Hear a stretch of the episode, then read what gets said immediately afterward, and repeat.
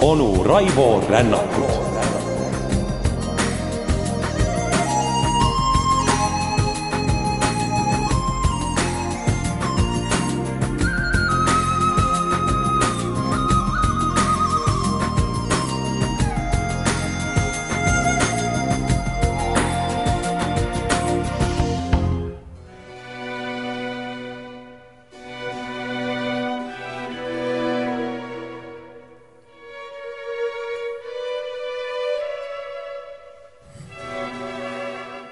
nüüd on nad siis käes.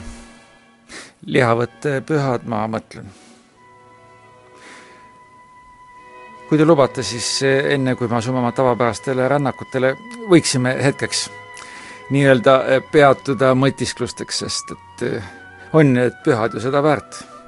ühelt poolt vaata, et kõige tähtsamad kristlikud pühad ehkki eh, meil luterlastel oma reformeeritud kirikus eh, on jätkuvalt nii-öelda kõige kõrgemal pjedestaalil jõulud. ja et ka kogu maailm ilmselt justkui on seksualiseerumas ja kas või teleraadioprogramme vaadates eh, suhteliselt väheosavõtlik, siis seetõttu tahakski nende geniaalsete Johann Sebastian Bachi lihavate helide saatel pisut mõtiskleda nende pühade üle, mis kunagi olid maailmas vaata et üleüldse kogu aasta kulminatsiooniks. oleme meiegi oma rännakutes võtnud ette vägagi skandaalse sellise, kus Holger Kersteni kirjutatud lehekülgede turvil püstitasime üpriski ohtlikud spekulatsioonid Kristuse saatusest pärast ristilöömist.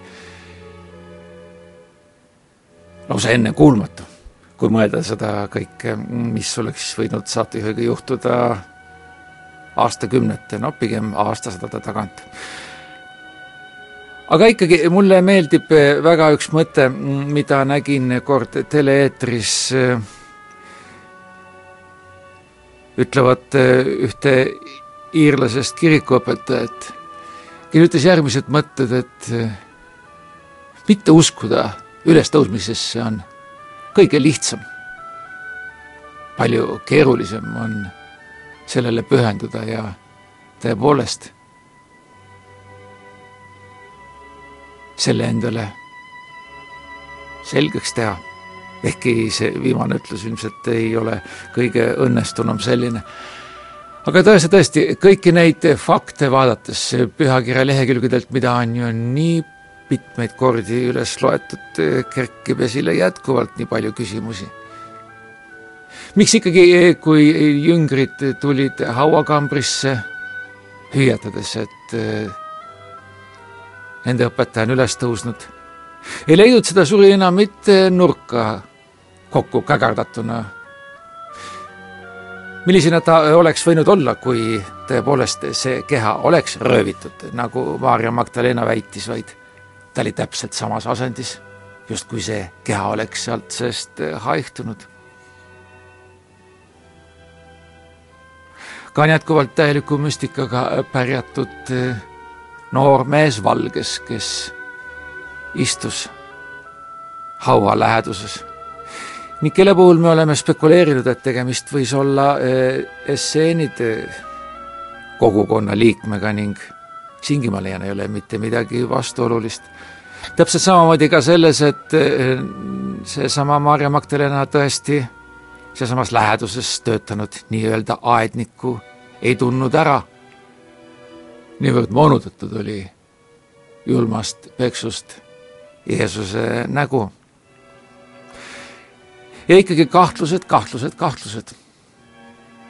nii tüüpilised eh, tänasele päevale, aga ka ainult tänasele päevale.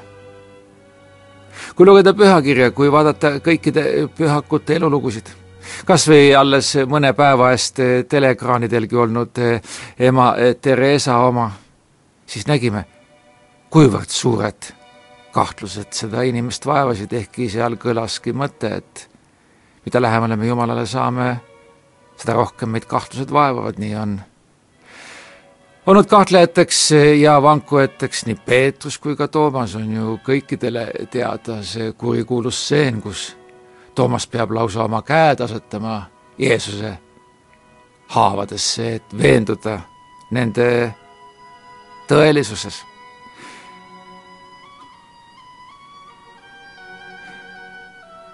kindlasti vääriks rohkemat uurimast seesama Toomas, kes oma evangeeliumiga on lausa katoliiklike ringkondade poolt nii-öelda ametlikust nimekirjast välja jäetud, sest et kuulutame Toomas Jeesuse suu läbi, et Jumal ja tema lähedalolu on kõikjal, igas liivateras, igas puulaastus, mis justkui välistab kiriku kui sellise hädavajalikkust, mis otse loomulikult on äh, lausa surmahopp Vatikanile ning mis ei ole nii piinarikas Luteri kirikule, kes asub inimesega justkui lähemal, kes kõnetab inimest äh, nii-öelda otse. ja samas on Peetrusel äh, ja eriti just Toomal tähendus kas või selles, et mainib ju Toomas, et Jumala kuningriik ei ole seal kusagil pilvepealses paradiisis, vaid ta on siinsamas, meie ümber. ainult et me seda ei näe. ja me peame üritama seda näha ning kas ei peitu selles võib-olla see kõige suurem tõde? ja siinkohal võiks visata üles küsimuse kas hakkame me seda nägema ning mulle tundub, et paraku mitte. Aastatega muutub see kõik meie jaoks aina nähtamatumaks ning sellest on kahju. kahju, sest see kõik võib tõepoolest, tulles lähemale meie saatele, kus me oleme rännanud Nostradamuse tulevikuennustustes ning kus see meeski veendunud katoliiklasena tõdeb, et meid ees ootavad raskused on tingitud just nimelt selle eh, kõige üllama hideestiku, kui soovite, hõrenemises. Öeldakse ikka jälle, et tõde on üks.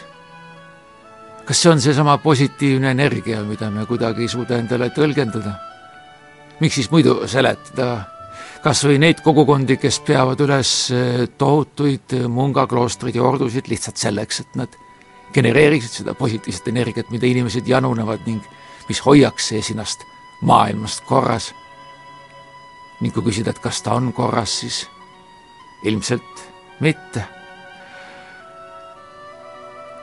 aga et kuidagiviisi lõpetada seda väikest episoodi positiivse noodiga, siis äh, ütleksin ma, et meie, kristlased, oleme õnnelikud õnnelikud selles religioonide paljususes, kus igal religioonil on oma väärtus ning tegelikult kõik justkui õpetavad õiget ja head, vaatamata väärastunud kõrvalekallakutele, siis on meil, eh, kristlastel, üks täiesti eriline fenomen. kui vaadata kõiki teisi pühamehi, siis on nad enam või vähem lõpetanud oma maise teekonna rahumeelselt, jättes nüüd pühak märtrit kõrvale nii Buda, Konfutsius või kas või sõnumi vahendaja Muhamed on rahulikult andnud oma hingelooja kätte, samas ajal kui Kristus meid lunastab. ehk ainult äh, ristiusus on olemas lunastuse fenomen, kus üks isik tuleb täiesti vabatahtlikult ning ohverdab kõige kallima, mis tal on, teiste inimeste hüvanguks. vaat see, ma leian, on kristluse ja otse loomulikult ka lihavate pühade kõige erakordsem fenomen.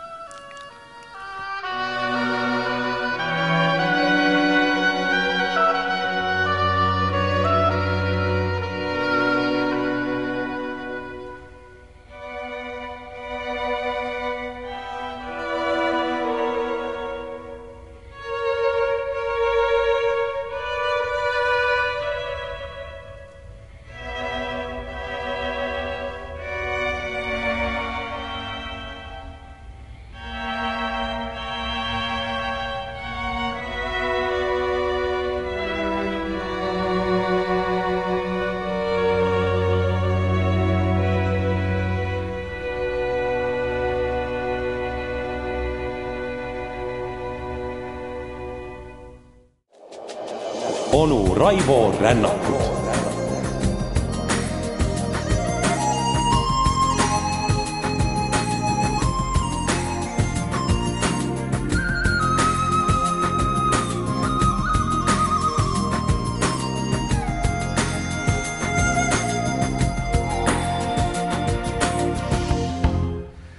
aga nüüd, head sõbrad, jätkakem oma tavapärase rännakuga. Ning oh üllatust, üllatust, võib öelda, et pühade puhul on justkui Jumala sõrm meil abiks. sest pean tunnistama, et olen minu valduses olevaid materjale edastanud teile nii-öelda säärases järjekorras, nagu nad mul siin ees on ja tõeliseks kokkulangevuseks võib pidada seda, et järgmine isik on uskuge või mitte, nii sobilikult, Johann Sebastian Bach, kelle kohta on kirjutatud äh, suure selgeltnägija puhul järgmised nelikvärsiread. üks kaksikutest leitakse kloostri ees. vili munga kangelasverest, sugupuu iidne protestantismis ta kuulsus levib ühest suust teise, heli vägeva kaudu. nõnda elule jäänud kaksik kõrgele tõeliselt kerkib. see on üheksakümne viies Katrään ning tähistab aastat tuhat kuussada üheksakümmend viis ja nagu juba öeldud, see viib meid eh, surematu Johann Sebastiani juurde ning eh, teda lihtsalt ei saa jätta illustreerimata tema enda muusikaga.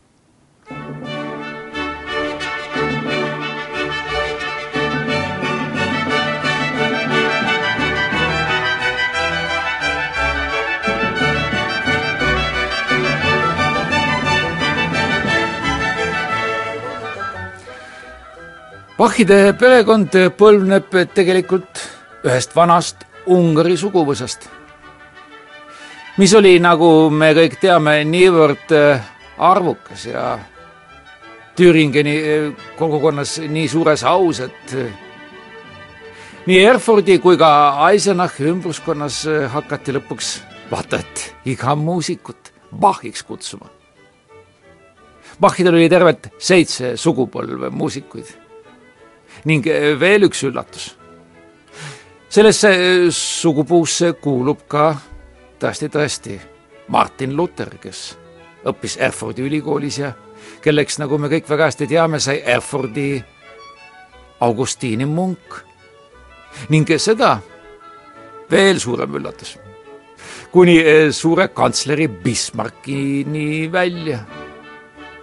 Mis puudutab aga seda eh, Katrääni, siis selle võti peitub eh, nõndanimetatud kaksikute kontseptsioonis, nii nagu esimene rida kõlab, üks kaksikutest leitakse kloostri ees. niisiis kloostri ees ning ka sellel samal aastaindeksis üheksakümmend viis, mis võib tekitada küsimust. aga mõlemat mainitud seika, kui me need ühendame, siis me saamegi siis aasta tuhat kuussada üheksakümmend viis. see on aasta, millal Johann Sebastian Bachi isa Johann Ambrosius ootamatult sureb kaks aastat hiljem lahkub kaksikvend Johann Christoph ja vähem kui aasta pärast ka Bachi ema Elizabeth Lemmerhirt. Nii nagu paljud on nimetanud, kujunes Bach oma eluajal sõna otseses mõttes saksa protestantismi nii-öelda muusikaliseks südametunnistuseks, nii et hei, me kõik luterlikud protestandid siin, tundkem uhkust, et meiegi oleme selles samas kultuuriruumis.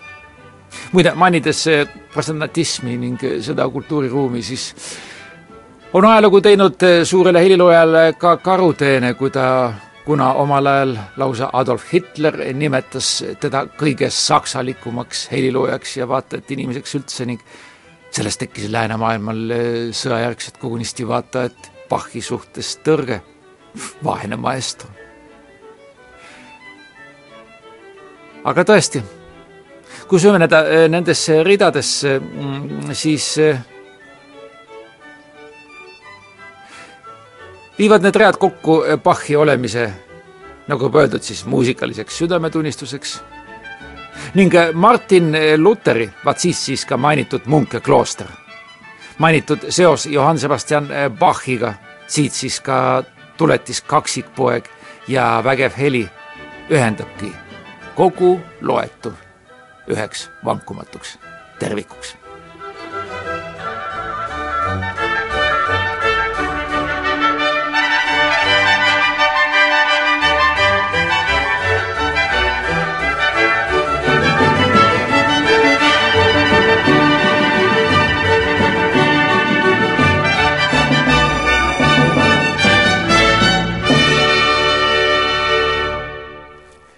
mingil hetkel tundus, et oleks tahtnud Bachist rääkida veel ja veel, aga see oleks tegelikult iseenese kordamine, sest et kahtlemata tähelepanelikud rännukaaslased mäletavad, kui palju rännusaateid me sellele geeniusele oleme kulutanud. niisiis tehkem kannapööre ning mingem kahekümne kuuenda Katrääniga aastasse tuhat seitsesada kakskümmend kuus ning ma ei paljasta veel isikut, kellest on juttu ning loen ette järgmised neli rida. suure välgulöök päeval kukutab. võistleja sünnitab kurjust ja ennustust. öösel ette on näha langust, mis toob segadust Reimsi, Londonisse, etruskide katku no äärmiselt segane ja mitte mingit vihjed eh, andav eh, Katrään, mis vihjab küll eh, Reimsile, mis oli teatavasti Prantsuse monarhide kroonimise linn, Londonile ning veel ka etruskidele, välja surnud hõimule Apeniini poolsaarel. kuidas nii? nii, siinkohal loomulikult tuleb appi kogu see meeskond, kes on läbi aastate üritanud Nostradamuse mõistukõnet lahti muukida ning asume ka meie siis nende turvil selle kallale.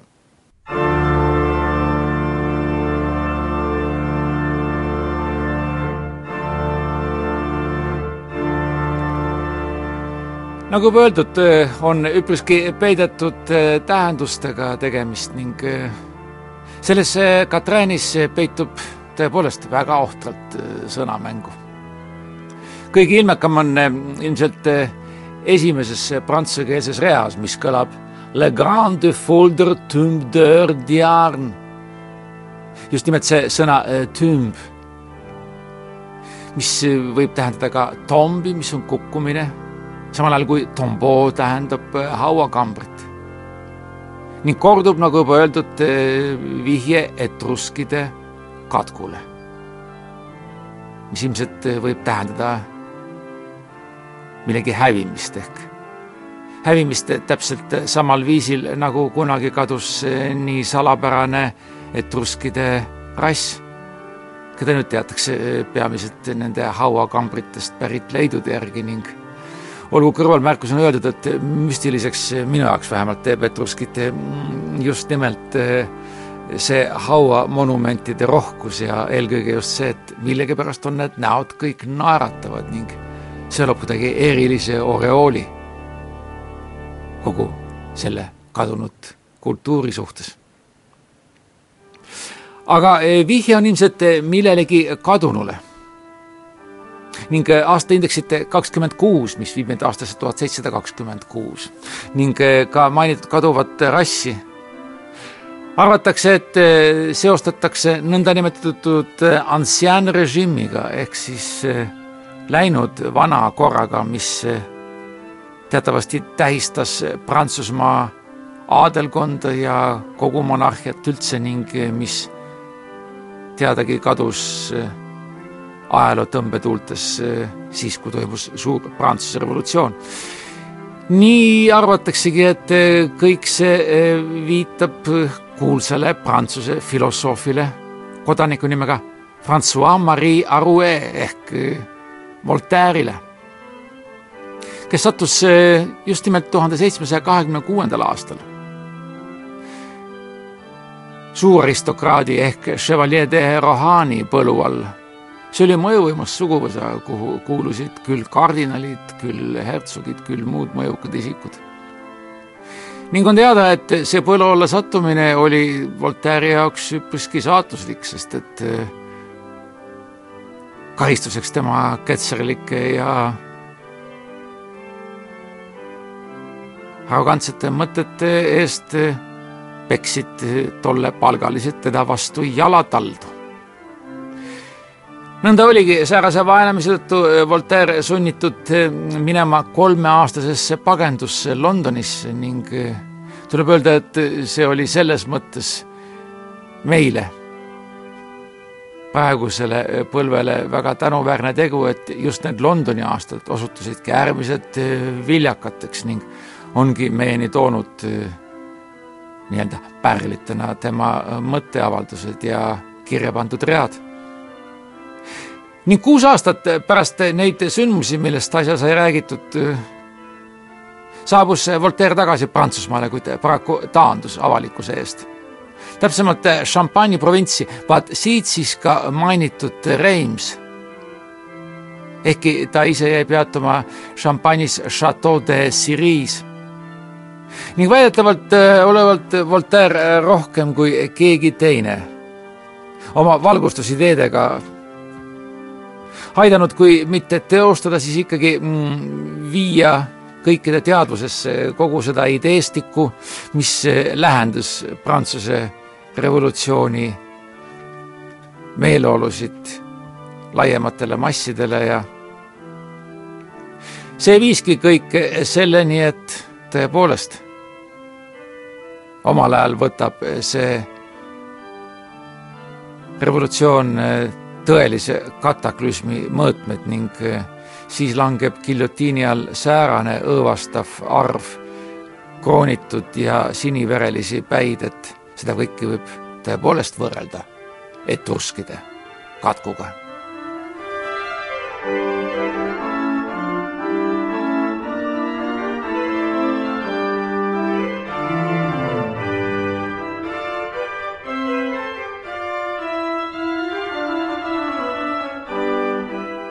Nüüd aga hüppame veel kord üle La Manche'i väina, Prantsusmaalt eh, Inglismaale ning eh, rääkigem meile kõikidele nii tuttavast suurmehest nimega Charles Darwin, sest et temale on pühendatud kolmekümne esimene Katrin, mis tähistab aastat tuhat kaheksasada kolmkümmend üks ning eh, on ise järgmine. täiskuud öösel kõrgel mägedes vaatab äsja teadlaseks üksinda kasvanud noor.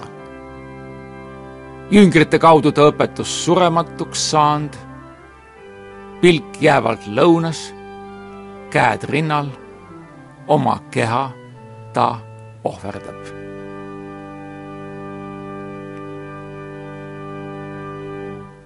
no siin on vihjeid palju ja paljud nendest meilegi arusaadavad mis puudutab Charles Darwinit, siis eh, on teada, et eh, kahekümne seitsmendal detsembril tuhande kaheksasaja kolmekümne esimesel aastal astus tol ajal äsja ülikooli lõpetanud eh, noor Darwin. Tema majesteedi laeva Beagle pardale, et alustada oma kuulsat merereisi lõunasse ehk sinnasamasse nendele müstilistele Galapagose saartele, mis ei väsi meid üllatamast kuni tänase päevani välja ning millel sündivaid imelisi looduse paradokse näeme me, tõsi küll, paraku kino- ja teleekraanidelt. ja ometigi sai just nendest saartest nii teadusele kui ka inimkonnale ajaloos vaata et lausa ainulaadne paik kogu see reis kestis viis aastat. Ning eh, viis aastat kestnud eh, retke järel väitis eh, Darwin, et elusolendite liigid on kujunenud evolutsiooniliste muutuste, loodusliku valiku ja põlvnemise kaudu, mitte jumaliku sekkumise või mingi katastroofi tagajärjel. vaat kui sobilikult ma räägin seda tänasel ülestõusmispäeval, kas pole aga tema tuhande kaheksasaja viiekümne üheksandal aastal ilmunud raamatut On the origin of species ehk siis liikide tekkimisest peetakse üheks kõige mõjukamaks üheksateistkümnenda sajandi uurimuseks. ning sealt on ka välja kasvanud säärased eh, nõndanimetatud darwinismi jüngrid nagu John Burden Haldane, Sewell Wright, Julian Huxley ja Richard Dawkins. Ning nemad ongi seda evolutsiooniteooriat eh, ja selle leeke nii-öelda suuremaks õhutanud. vaat siit siis ka kolmanda rea tähendus, mis ütleb, et eh, jüngrite kaudu ta õpetus surematuks saanud.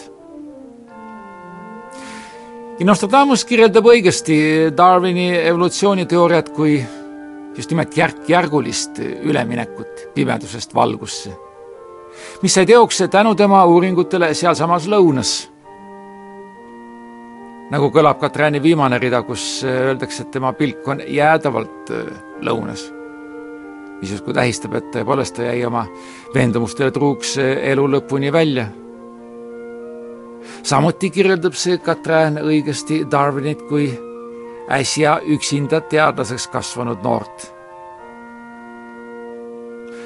Vaat sellesama neljanda rea puhul, kus öeldakse, et pilk on jäädavalt lõunas, käed rinnal ja oma keha ta ohverdab. selle rea puhul on ehk huvitav mainida, et näiteks matmise puhul esimene ametlik tuhastamine Ameerika Ühendriikides toimus kuuendal detsembril tuhande kaheksasaja seitsmekümne kuuendal aastal Pennsylvanias. Ning surnuks oli eh, keegi parun Joseph Henry Louis de Palm, kelle keha nii-öelda ohverdamisel tulesurmale siis jällegi midagi paganlikku ja ennekuulmatut kristlikus maailmas, ehkki tänasel päeval juhtub seda ikka rohkem ja rohkem. vot eh, sellesama protsessiooni ajal loeti katkendeid Charles Darwini tekstidest ja kogunisti hindu pühakirjadest. Mis puudutab aga Darwinit, siis ketserluse piirimail, nagu ta kõndis tollel üheksateistkümnendal sajandil, siis võib öelda, et ta lõpetas väärikalt, sest et on ju Darwin kõigest üks eh, viiest mittekuninglikust isikust, kellele üheksateistkümnendal sajandil korraldati riiklikud matused, midagi tõeliselt suurt ja auväärset Briti impeeriumis. Nii on tema põrm maetud Westminster Abbey'sse koos John Herscheli ja Isaac Newtoniga päris nende lähedusse. ja kui tulla tagasi Nostradamuse juurde, siis Nostradamuse viimane erakordne viide, et Darwini pilk on isegi surmas suunatud jäädavalt lõunasse iseloomustab väga täpselt seda oma ajastut muutnud meest.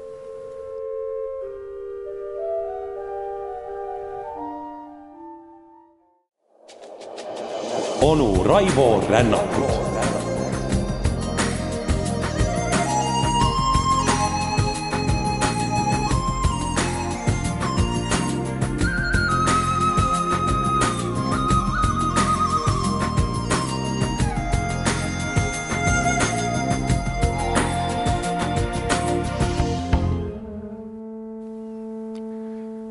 kaht hiilgust, nii kaugel kui lähedal, rüvetab aeg aprilli ja märtsikuu vahel. kohutav hind. aga mõlemat suurt toetavad kõik, seda merel ja maal. viies Katrään, mis viib meid tuhande üheksasaja viiendasse aastasse ning oh üllatus-üllatus tähistab see Albert Einsteini. kuid katsugem nüüd siis selgust eh, saada, mil viisil. esimeses reas mainitud eh, kaks hiilgust on päike, mis on kaugel, ja kuu, mis on lähedal. nii nagu esimene rida ütlebki, nii kaugel kui lähedal sest nõnda võime arvata, et kui Nostradamus räägib järgmise sõnaga rüvetamisest, millega ta viitab nii varjutusele kui ka alkeemilisele nõndanimetatud konjunktsiole, mis tema arvestuste järgi pisut paraku vääriti läks. aastaindeksit viis arvestades aga näib, et Nostradamuse mainitud varjutus, mis toimus, nagu ta kirjeldab teises reas, aprilli ja märtsikuu vahel. Muide, võib eeldada, et osutatud on järgmist aastaindeksiga aastat. siis pidid olema kolmekümnendal augustil eh, tuhande üheksasaja viiendal aastal just need hetked, kui toimus täielik päikesevarjutus. õigemini siis Notre Dame'use vaatevinklist vaadates pidid toimuma, vaat kui kaugele ette see astroloog oma arvutusi suutis teha.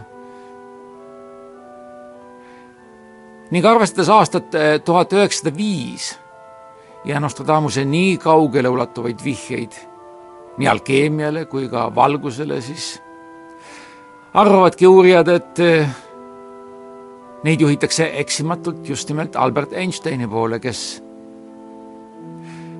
tuhande üheksasaja viiendast aastast eh, ongi tuntud nõndanimetatud annus mirabilisena. just sellel aastal seitsmeteistkümnendal märtsil ja kolmekümnendal juunil avaldas ta oma kaks maailma vapustanud kuulsat artiklit, mis rajasid kvantfüüsika aluse. aga Nostradamus räägib ju nii-öelda kahest suurest. ja arvatakse, et ilmselt see teine suur on saksa keemik Albert Einhorn kes sel samal tuhande üheksasaja viiendal aastal esimesena sünteesis tol ajal imepreparaadi ja meile nii tuttava novokaiini ehk siis prokaiin hüdrokloriidi, mida, nagu me väga hästi teame, kuni eh, praeguseni ning seda eriti hambaravis tuimastina kasutatakse. vaat säärased eh, tuletamised on viinud äh, uurijad nende kahe nime juurde.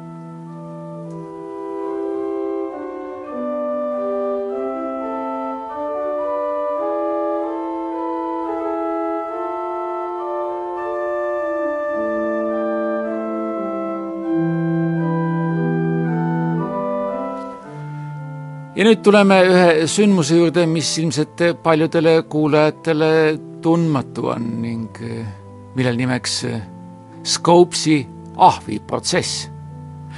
see on kahekümne viies Katrään, mis viib meid aastasse tuhat üheksasada kakskümmend viis ning on ise järgmine. kadunud, leitud, peidetud sajandeid palju. karjane kui pooljumal, austuse sees. nagu kuu vääramatult ringkäiku sooritab, kõik au temalt võtta proovivad.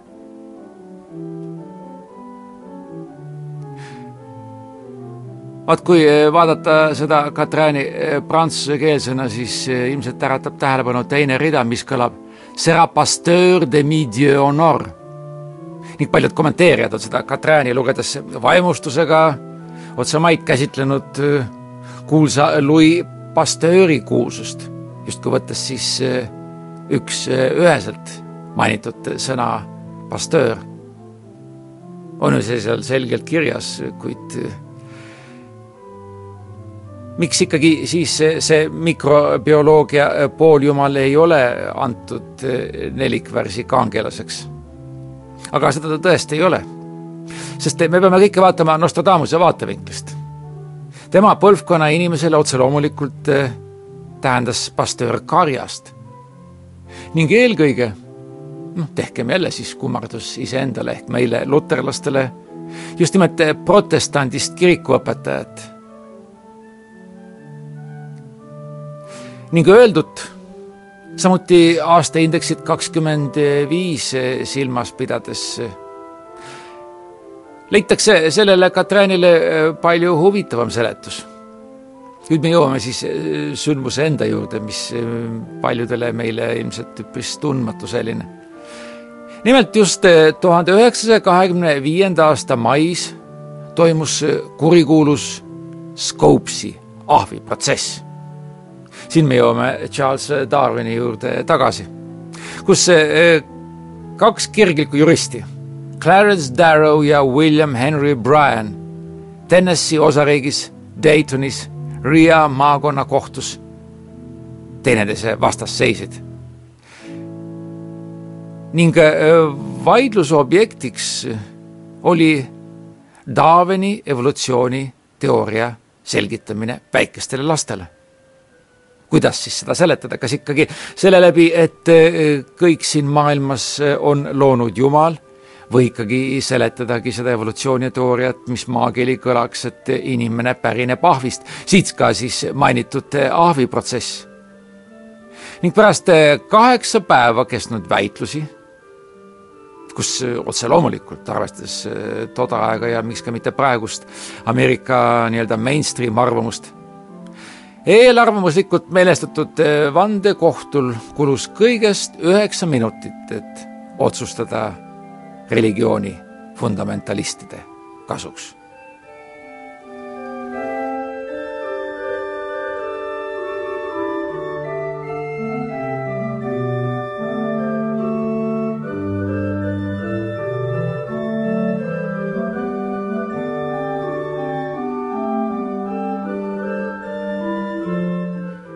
no et siin oli juttu ahviprotsessidest ja inimese põlvnemisest, siis eh, mingem lähemale pseudoteooriatele, mille püstitasid omal ajal natsid, kes rääkisid ka põlvnemistest ja sugupuudest ning eh, töötasid välja lausa fenomenaalse nii-öelda ehitise.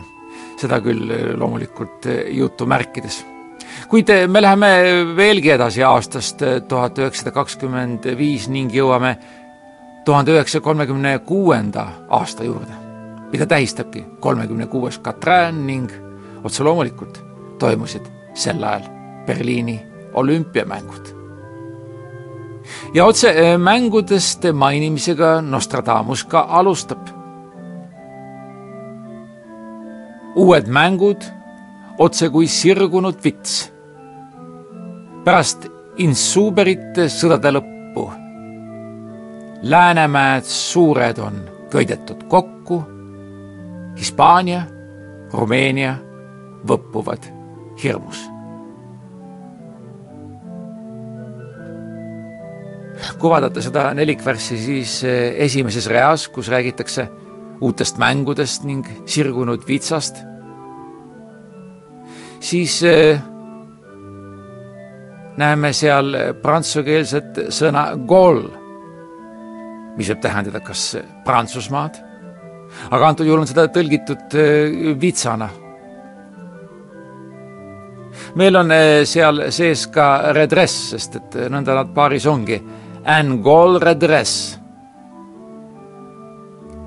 ning arvatakse, et see sõna annab nii-öelda mõistva jutu võtme, sest prantsuse argikeeles tähendab redresser un bâton nii-öelda vitsa sirutamist, kust jõuame ka eh, vitsakimbuni, mis teatavasti ladina keeli on faces ning eh, mis tähistas seda kuulsat roomlaste vitsakimpu, mida iga triumfirongkäigu või kogukonnamängude ees eh, vastavad isikud kandsid. ning sealt, sellest samast facesest ongi välja kasvanud sõna fašism mida eelkõige just kultiveeris Mussolini, teame, kui palju on Adolf Hitler laenanud eh, sellelt Itaalia liidrilt. ning eh, kahekümne sajandi fašistid kasvasidki välja just nimelt eh, nagu Nostradamus mainib, insuberite hõimude kodumaalt ehk Milanost ja Paaviast, kes olid eriti fašismimeelsed. sealt see sümboole, sümbolite kasutamine levis ning otseselt räägib ta ju kahe esimese sõnaga ka uutest mängudest ning see vihje otse loomulikult räägib olümpiamängudest. mida, nagu teatakse, Pariis korraldas aastatel tuhat üheksasada ja tuhat üheksasada kakskümmend neli ning tuhande üheksasaja kolmekümne kuuenda aasta mängud usaldatigi Berliinile kusjuures see, see otsus tehti ära tuhande üheksasaja kolmekümne esimesel aastal, seega enne Hitleri võimule tulekut. enne seda, kui Saksamaal seadis ennast võimuladvikuna sisse Saksa fašistide ehk siis natsionaalsotsialistide partei. ning väga otseselt räägib Nostradamus kahes viimases reas ka Hispaaniast ja Rumeeniast, kes võpuvad hirmus nii nagu on teada, vaata, et lausa eri Euroopa nurkades tõstis see doktriin, fašism oma nii mitmes pales, pead nii juhtus see mainitud Rumeenias kui ka Hispaanias. viimases teatavasti puhkes sama aasta seitsmeteistkümnendal juulil ehk kõigest kaks nädalat enne suveolümpiamängude avamistseremooniat lausa kodusõda ja otse loomulikult eh, tegid eh, Hitler ja eh, tema parteikaaslased nendest mängudest oma triumfi ja lausa fenomenaalse propagandatripi, millele aitas väga palju kaasa ka geniaalne filmirežissöör Leni Riefenstahl, kes väntas dokumentaalfilmi Tahte triumf, mis on filmitehniliselt võttes tõepoolest lausa meistriteos ning otse loomulikult rakendati see geniaalne looja aaria rassiteooria vankri ette ning äh, ilmselt oli teatud äh, pettumuseks, mida ikka jälle maailm rõhutab, kui USA neegersprinter Jesse Owens lausa neli kuldmedalit võitis. ehkki kõrvalmärkusena võib öelda, et vaatamata sellele mängude üldvõit ikkagi tõesti kuulus Saksamaal. niisiis kirjeldab see Katrin tuhande üheksasaja kolmekümne kuuenda aasta Berliini suveolümpiamänge.